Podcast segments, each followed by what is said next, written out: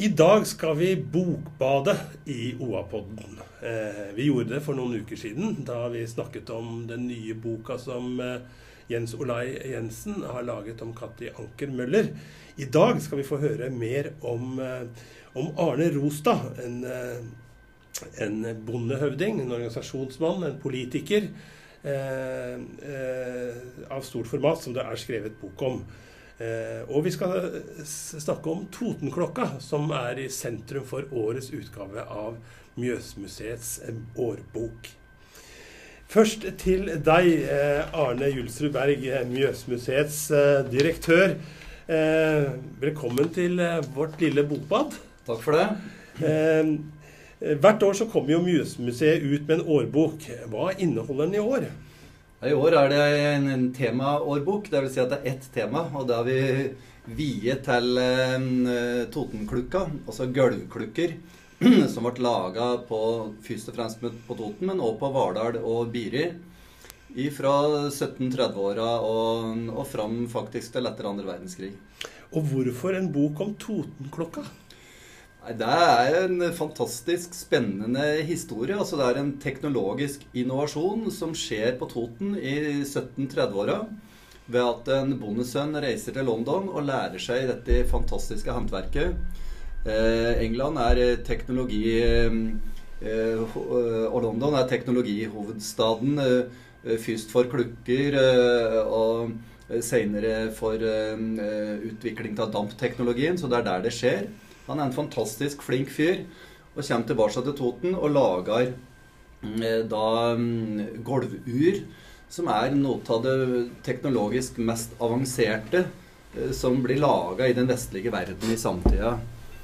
Og, og, og, begynner med dette håndverket på Toten, og det får store ringvirkninger eh, i regionen vår. Mm. hva finner vi i denne boka, da? Her eh, prøver vi å Eller forfattere som eh, har eh, jobbet lenge med, med det, dette stoffet her, som er Jan Erik Grøtberg, Marte Kile Skjønsby og Håken Gille Radom. De forteller da denne historien om Amund Smæby, som bondesønnen heter, og, og, som skjer, og, og prøver å sette det inn i en sammenheng på dette uh, metallbearbeidende miljøet. I dag vil jeg kalle det et metallbearbeidende cluster, eller kompetansemiljø, som oppstår her. Hvorfor oppstår. Og så presenterer klukkemakere åssen uh, de gjør dette håndverket, og sjølsagt et ordentlig bad i de fantastisk vakre, fine klukkene som finnes i dag. Som Mjøsmuseet har Norges største samling av, men som også finnes rundt på, i mange hjem i Gjøvik og Toten-området. Du sa clusteret. Eh, vi snakker altså om et kompetansemiljø på Raufoss og Toten i dag, som er kanskje liksom noe av det fremste vi har på sine områder. Eh, altså en industriproduksjon som vi er veldig stolte av her. Men er dette på mange måter litt sånn embryo til industrien i, i Toten-regionen, denne Totenklokka? Helt klart. Det går en glødende metalltråd fra gjørtlere og klukkemakere til eh, knivmakere, karlmakere og inn i Mustad fabrikker med fiskekrok eh, og over i Raufoss ammunisjonsfabrikk og gjennom Øveråsen og eh, Gjøvik støyperi og 1900-tallet og fram til Nammo og NTNU og andre flotte bedrifter vi har. Og de 7000 industriarbeidsplasser som vi har i Gjøvik-regionen i dag. Det er her det starter. Hva er det som gjør at det starter her? Ja, det er veldig interessant, da, for vi har jo ikke metallet. Nei. Det er ikke noe gruveområde her. Og så blir vi norgesledende på metaller. Eh, eh og, men her er det et kønnoverskudd. Og kønnoverskuddet, når vi er da på, på 1700-tallet blir eh, omsatt på Rørosmarten eh, og grunnsettmarten spesielt. Der vi finner kilder på at eh, bøndene selger herifra selger kønn og videreforedler kønn, altså sprit, eh, på de markedene og, og, handler metaller. Og da er det kobber og um, tinn og sink. Og for bl.a. å lage messing, da, som er svært viktig ingrediens eh, og metall i um, i disse flotte urverka. Mm.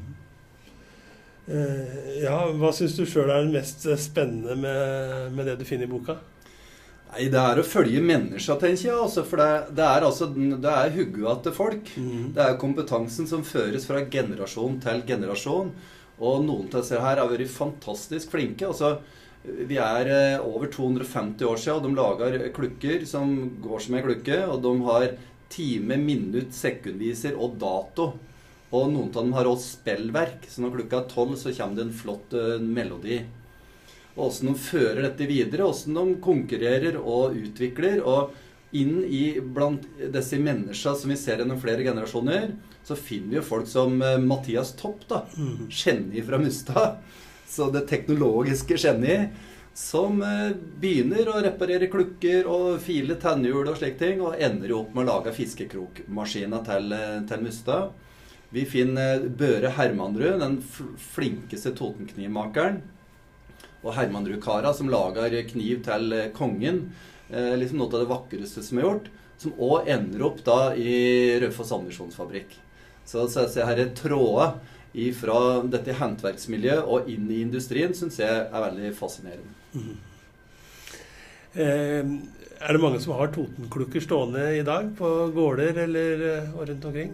Det er det faktisk. Når vi har laga den i boka, så har vi vært rundt og fotografert. Altså Ja. I Mjøsmuseets eh, samlinger så har vi eh, de siste åra bevisst samlet inn. Så vi har en samling på over eh, 30 gulvklukker. Som er det er noen fantastiske bilder igjen i boka som viser en, en vegg med noe av det flotteste som er laga. Men vi syns jo det er artig at folk i Gjøvik og Toten eh, tar vare på seg klukken. Det er eh, folk som eh, reparerer dem sjøl i dag. Håndverket er bevara. Og at de går, og at de nå får mye mer kunnskap om den klukka de har. Men først og fremst for oss som bor igjen i regionen, som forteller det, om røtten til eh, det industrimiljøet vi har i dag. Mhm, mhm. Ja eh, bak, Hva er tankene bak å gi ut ei eh, årbok sånn som dere gjør? Dere har jo spennende temaer hvert år. Og, og, og hvordan velger dere ut eh, temaene? Eh, Det er, eh, det er viktig for Mjøsmuseet. Vi, vi jobber mye med å ta vare på disse gamle hus, fine husene våre på Eiktun og Steinberg og, og rundt omkring. Og vi har bygd et fantastisk eh, splitter nytt magasin på 1000 kvm på Eiktun for å ta vare på gjenstandene. Men det er viktig å formidle dette ut. Vi har en nettside som heter Digitalt museum, der alle gjenstandene våre er i ferd med å komme inn. Og vi har jo omvisninger og slike ting, men det er å utgi ei bok og mm, presentere mm, historie, enten det er eh, Noen årbøker har jo ingen temaer, og mange forskjellige lokalhistoriske artikler om mange temaer. Og andre ganger så har vi et eh, samletema sånn som her, og, og få fram ny viten om lokalhistoria vår. Så eh, en god del av historia fra området vårt er faktisk òg nasjonalhistorie. Eh, og internasjonal historie. Det er jo utrolig fascinerende, for eh, som jeg sa, så, så eh, har jeg jo sjøl ei klokke hjemme. Og jeg har en kamerat av meg som liksom har studert den klokka, da, for han, han er opptatt av, av gamle klokker. Og han snakker mye om moraklokkene i, i, i Sverige. Men du fortalte meg nettopp at det er liksom litt sånn sekund av vare. For du har Totenklokka, som var den virkelige storklokka, og som de hadde nesten monopol på i den, eh, den tida. Ja, moraklukker, det er en dårlig simple saker. Altså. Må bare si det, sjøl om vi kan bli beskyldt for å være patriot. altså Totenklukken de er på et internasjonalt nivå. Det er London-standard eh, på det som blir laga her. Og er helt eh, dominerende i, i Norge. altså Det er enkeltklukkemaker som vi finner i Fåberg, Vang, Kristiania. Men det er bare på Toten. Det er et stort miljø med mange aktører samtidig. Som fører til en sunn konkurranse som eh, som også utvikler disse eh, klukken teknologisk. Så dette er på et eh, høyt internasjonalt nivå.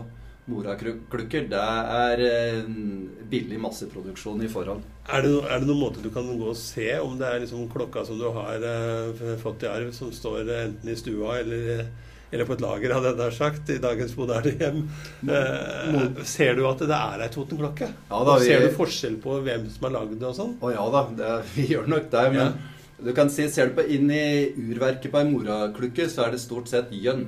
Ja. Og ser du inn i ei høykvalitets Totenklukke, så er det en messing Messing. og, og tinnlegeringer. Ja. Det er det du ser. Og du ser det vanger og deler og slik er dregde og staslige, sjøl om de ikke synes. Det er en svært stor kvalitetsforskjell.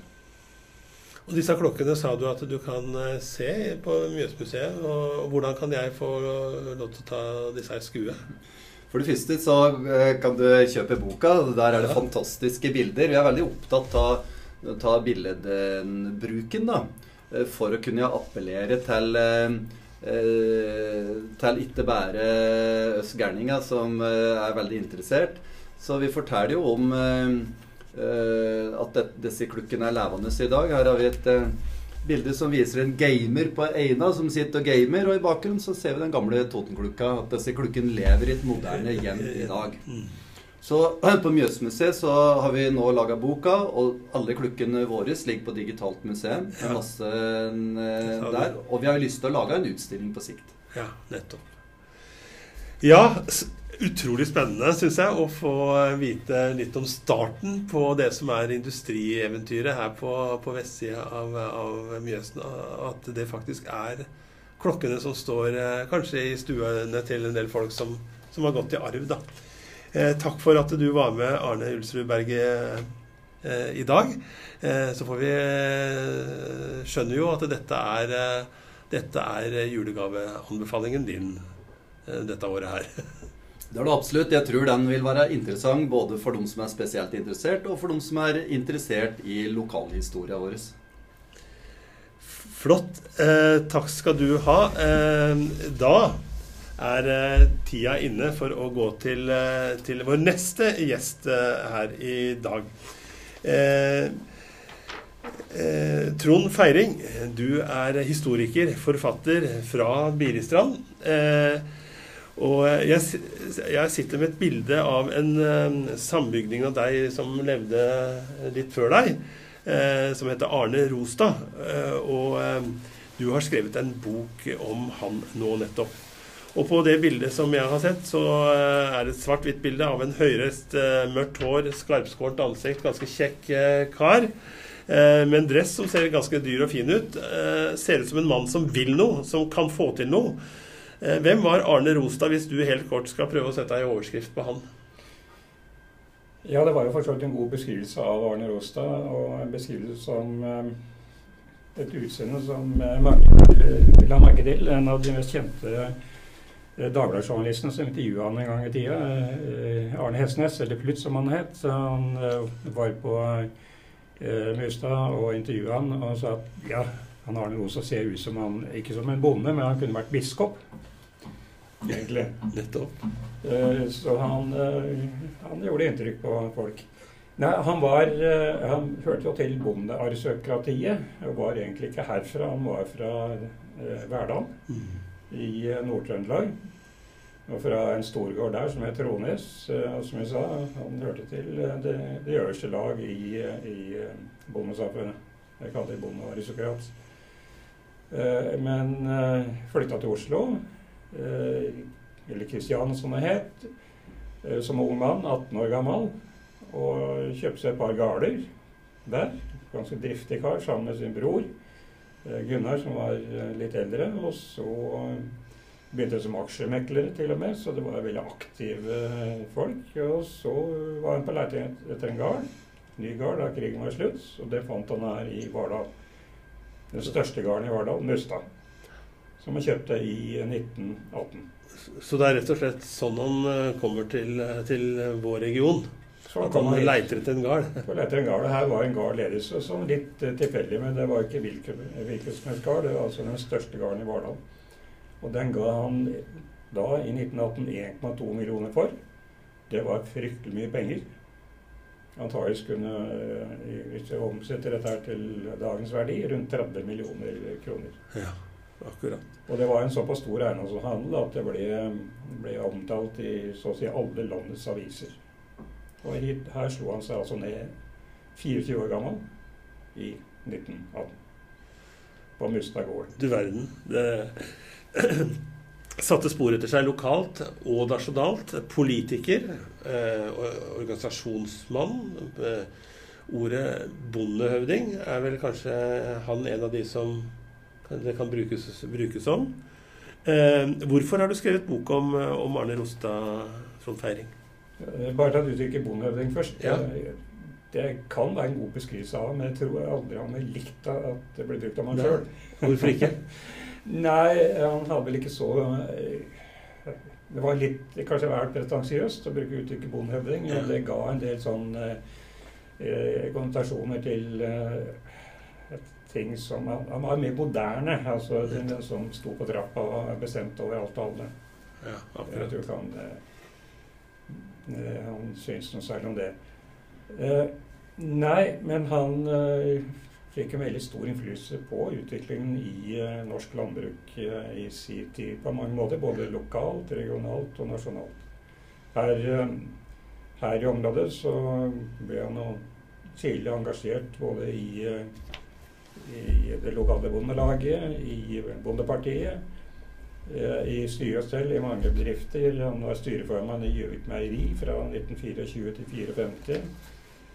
Han, hans, hans viktigste innsats lokalt var nok først og fremst at han eh, fikk hjemmekjøpt aksjene til Holmen Benneri og utvikla Holmen Benneri til eh, den moderne bedriften som det er i dag. Nå heter ikke Holmen Benneri i dag, det er Hoff, Hoff eh, potetindustrien, eh, potetindustri. Men at, Holmen, at denne bedriften blir en moderne eh, bedrift med mange arbeidsplasser, er først og fremst Arne Rosas eh, fortjeneste. Og det er jo på mange måter starten på det- vi kjenner som landbrukssamvirke, er det det? Ikke Holmen brenneri, egentlig. Eh, Det er nok eh, først og fremst mjølkesentralene, og Mm, ja. der spilte han en veldig, veldig vesentlig rolle ved å ta initiativet til og foreslå tiltak som, som førte fram til mjølkesentralene, som i dag er Tine. Altså mjølkesamvirket. Som igjen ga inspirasjon til dem som eh, lagde samvirke, altså slakterisamvirke og andre typer av Det, det, det, det bondesamvirket som jeg kjenner i dag, med Nortura og eh, ja, og Tine. Og, og det, bakgrunnen for det var jo krisa i, eh, i primærnæringene i, eh, på slutten av 20-tallet. Og en vik, veldig viktig begivenhet, da, en sånn skjellsettende begivenhet som, eh, som førte til det, var en tale Arne Rostad holdt i, i, i Storsalen her på Arbeidersamfunnets sal den 4. mars 1929. Og da var det veldig krise i, i, eh, i eh, bondesamfunnet, primært knytta til veldig veldig lave priser på mjølk og på tømmer osv. Og Der foreslår han eh, et forpliktende samarbeid, organisering med et forpliktende samarbeid mellom bøndene om, eh, om å regulere mjølkemarkedet. Og, eh, og en måte å organisere dette her på. Og en utjevningsavgift. Det som blir utgangspunktet for, for nettopp da for, for mjølkesentralene og det som da, som, som jeg sa, ble, ble Tine. Hvordan, hvordan vil du beskrive som, eh, som organisasjonsmann? Og han høres ut som en gjennomfører. Han eh, var i høyeste grad en gjennomfører. Eh, og det sier de som kjenner han godt. En, en som kjente han veldig godt, som ble generalsekretær i, i, i Bondelaget i 1945, og som heter Ola Hogne, som sier at han alle problemene kunne løses, og ikke noe problem var for stort for Arne Rostad. Mm. Så han var, eh, han var helt klart en, en gjennomfører. Eh, og, og når det gjelder dette med, med mjølkesamvirket, så er det ikke så veldig godt kjent dette, hans innsats her. Den som eh, i stor grad har fått æren for, for å etablere dette mjølkesamvirket, er en som heter Jon Sundby, Mm. som eh, kom fra Akershus eh, og også eh, gjorde en innsats. Men, men eh, i første rekke er det Arne Rostad, hans planer og hans engasjement for å få til dette, for, for, for, for å gjøre noe med alle problemene i, i landbrukssektoren rundt 1930, som, som er den som egentlig bør ha mye æren for at dette har skjedd, Hmm. etter min mening. Han han gjorde, ikke, han gjorde dette også, ikke bare når det gjaldt øh, øh, mjølkemarkedet, men også på potetmarkedet. Som var, ut, var ute. Poteten var jo også et viktig viktig produkt for, for eh, bøndene. Både som produkt til eh, spritproduksjon, men også til potetmjølproduksjon. Og det måtte også å gå i, i, i um, bryte sammen på, på, den tida rundt 1929-30 med veldig veldig fallende priser. Mm. Og han gjennomførte det samme der med regulering av potetmarkedet. Eh, som er gjennomført gjennom, gjennom eh, en organisering og en reguleringsmyndighet gjennom potetmelkfabrikkens salgskontor, som ble etablert i 1941. Og som er noe av samme prinsippet som, som det hadde med Tine. Mm. Han var også politiker og satt på Stortinget fra 45 til 49. Han satt i en, en, en, periode. En periode ja. Hvordan, uh, hvordan, var han som politiker? Uh, han satt bare en periode, og han sa, sa, fra seg gjenvalg. han var nok ikke den utpregede typiske bondepartipolitiker eller interessepolitiker. Han, han hadde problemer med å uh, engasjere seg for snevert. Altså, han jeg har kalt ham Kapoka samfunnsbygger, og i det ligger at han var noe mer enn en interessepolitiker. At han var opptatt av uh, helheten i samfunnet. Det, det kom han stadig tilbake til. Og det mm. gjorde at du måtte ikke bare se på enkeltinteresser, men måtte se på hele, hva som gagnet samfunnet i sin helhet. Og det var jo ikke akkurat en riktig posisjon for en, en, en bondepartipolitiker, egentlig. Og det gjorde at han ble kontroversiell og, og, fikk problemer med sitt eget parti. Så hans største innsats uh, som stortingspolitiker var vel først og fremst at han um, prøvde å få um, hjemkjøpt en del aksjer og etablere en uh, treforedlingsindustri med, med skogeierne som, som sentrale parter. Det fikk han ikke til i sin tid på Stortinget, men det er jo det som etter hvert ble Norske Skog da, seinere. Hvor dette ble realisert på en måte. Eh, først og fremst så, så var han synsatt på, på eh, i Bondelaget. Norges Bondelag. Ja. Eh, bonde, Norges Bondelag eh, hadde litt uh, trøbbel under krigen og like etter krigen, men han uh, ble den første formann, og han gjenreiste Bondelaget og moderniserte Bondelaget. Uh, og gjorde det til en sterk organisasjon. Så Bondelaget i dag er også et resultat av Arne, Arne Rosas innsats fra 1945. han fikk også motstand der fordi det var en strid i Bondelaget mellom om man skulle gå inn for forhandlinger med myndighetene eller, eller aksjoner. Han var en forhandlingsmann, en kompromissets mann, og hadde gode kontakter i Arbeiderpartiet. God kontakt med Einar Gerhardsen. Og nettopp disse gode kontaktene lå nok til grunn for at uh, Bondelaget ble den foretrukne motspiller til, uh, eller medspiller kanskje, til, uh, til Arbeiderpartiet-regjeringen etter krigen, og som gjorde at man fikk etablert disse dette forhandlingssystemet med en hovedavtale og jordbruksforhandlinger slik vi har det i dag. Uten Arne Rosa hadde ikke det blitt uh, realisert, tror jeg. Fordi hans gode kontakter, og hans forhandlingsvilje med, med, sentrale personer innenfor uh, arbeiderbevegelsen. Mm. Og som også gjorde at kontroversiell blant sine egne. Han ble kasta som formann i 51. Ja, for uh, du, du, sa at du, kaller, du, har kalt boka di 'Samfunnsbygger i strid'. Det er mye strid rundt han. Det og det er litt paradoksalt, for han var jo en forhandlings-, en samarbeidsmann. Jeg kaller, kaller han en samarbeidsapostel. Men nettopp dette at han var, hadde fokus på samarbeid, gjorde at han ble kontroversiell hos en del av de mer pågående bondepartipolitikerne. Eh, som Jon Leirfall, blant annet. Og en som uh, han fikk også fiender uh, i, i Bondepartiet. Jon Leirfall var en av dem. Han var den politiske redaktøren av Nasjonen, Hans Holten. Mm. Som etter hvert da hata Arne Rostad. Dagbladet hadde i 1952 uh, var det vel en, en, en artikkel om Hans Holten som sa at det nest verste Hans Stolten visste, var Dagbladet, for han var egentlig misunnelig på, på Dagbladet. Det verste sto det i den artikkelen med Hans Holten. Det verste han visste, var Arne Råstad. Så det sier, sier en del om, om, hans problematiske posisjon i, i bondebevegelsen. Nettopp fordi hans uh, sterke samarbeid og vilje til samarbeid eh, med arbeiderbevegelsen, og med småbrukerne, og med skog og land.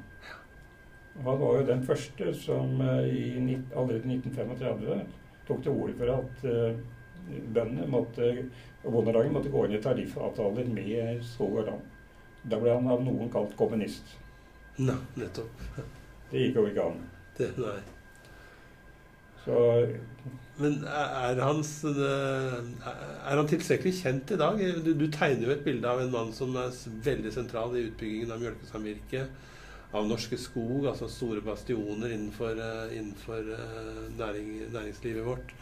Eh, og, og, vi, og viktig på, på veldig andre, ja, bonde, Bondelagets utvikling og, og avtaleverket.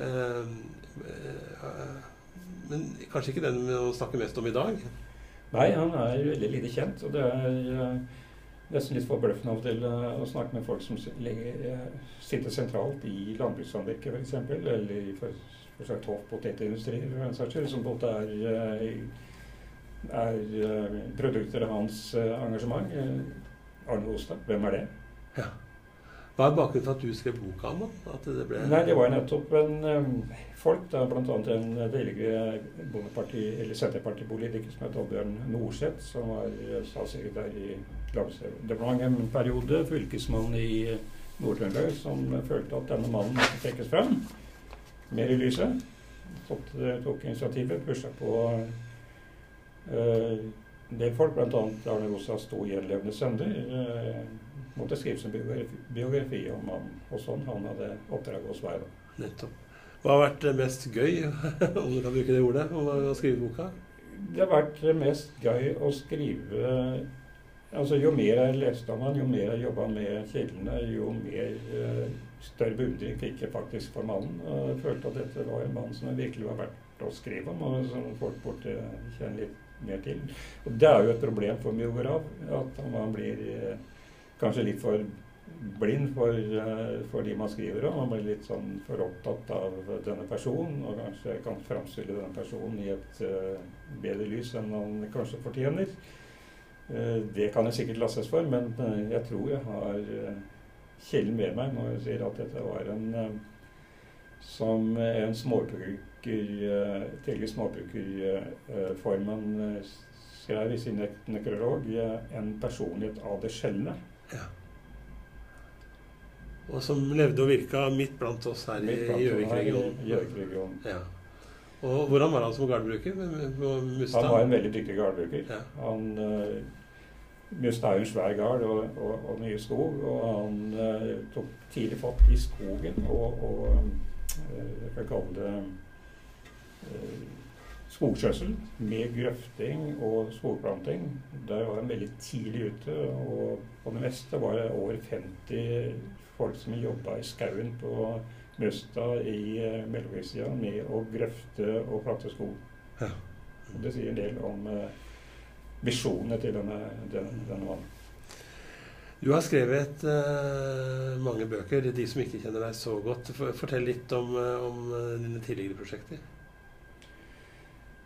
Ja, det første var uh, en historie om Småbruklaget, Mm. sammen med et par andre, hvor jeg skrev om uh, historien til Småbruklaget etter eh, 1950.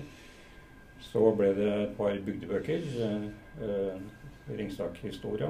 Begynner i den, eh, det store Ringsak-historieprosjektet. Mm. Jeg skrev om 1800-tallshistorie over Ringsaker. Seinere om uh, Fåberg Lillehammer Nei, eh, altså historien til Fåberg Lille- Lille- Lillehammer, eh, som kom for en del år siden. Et begynner i det trebindsprosjektet.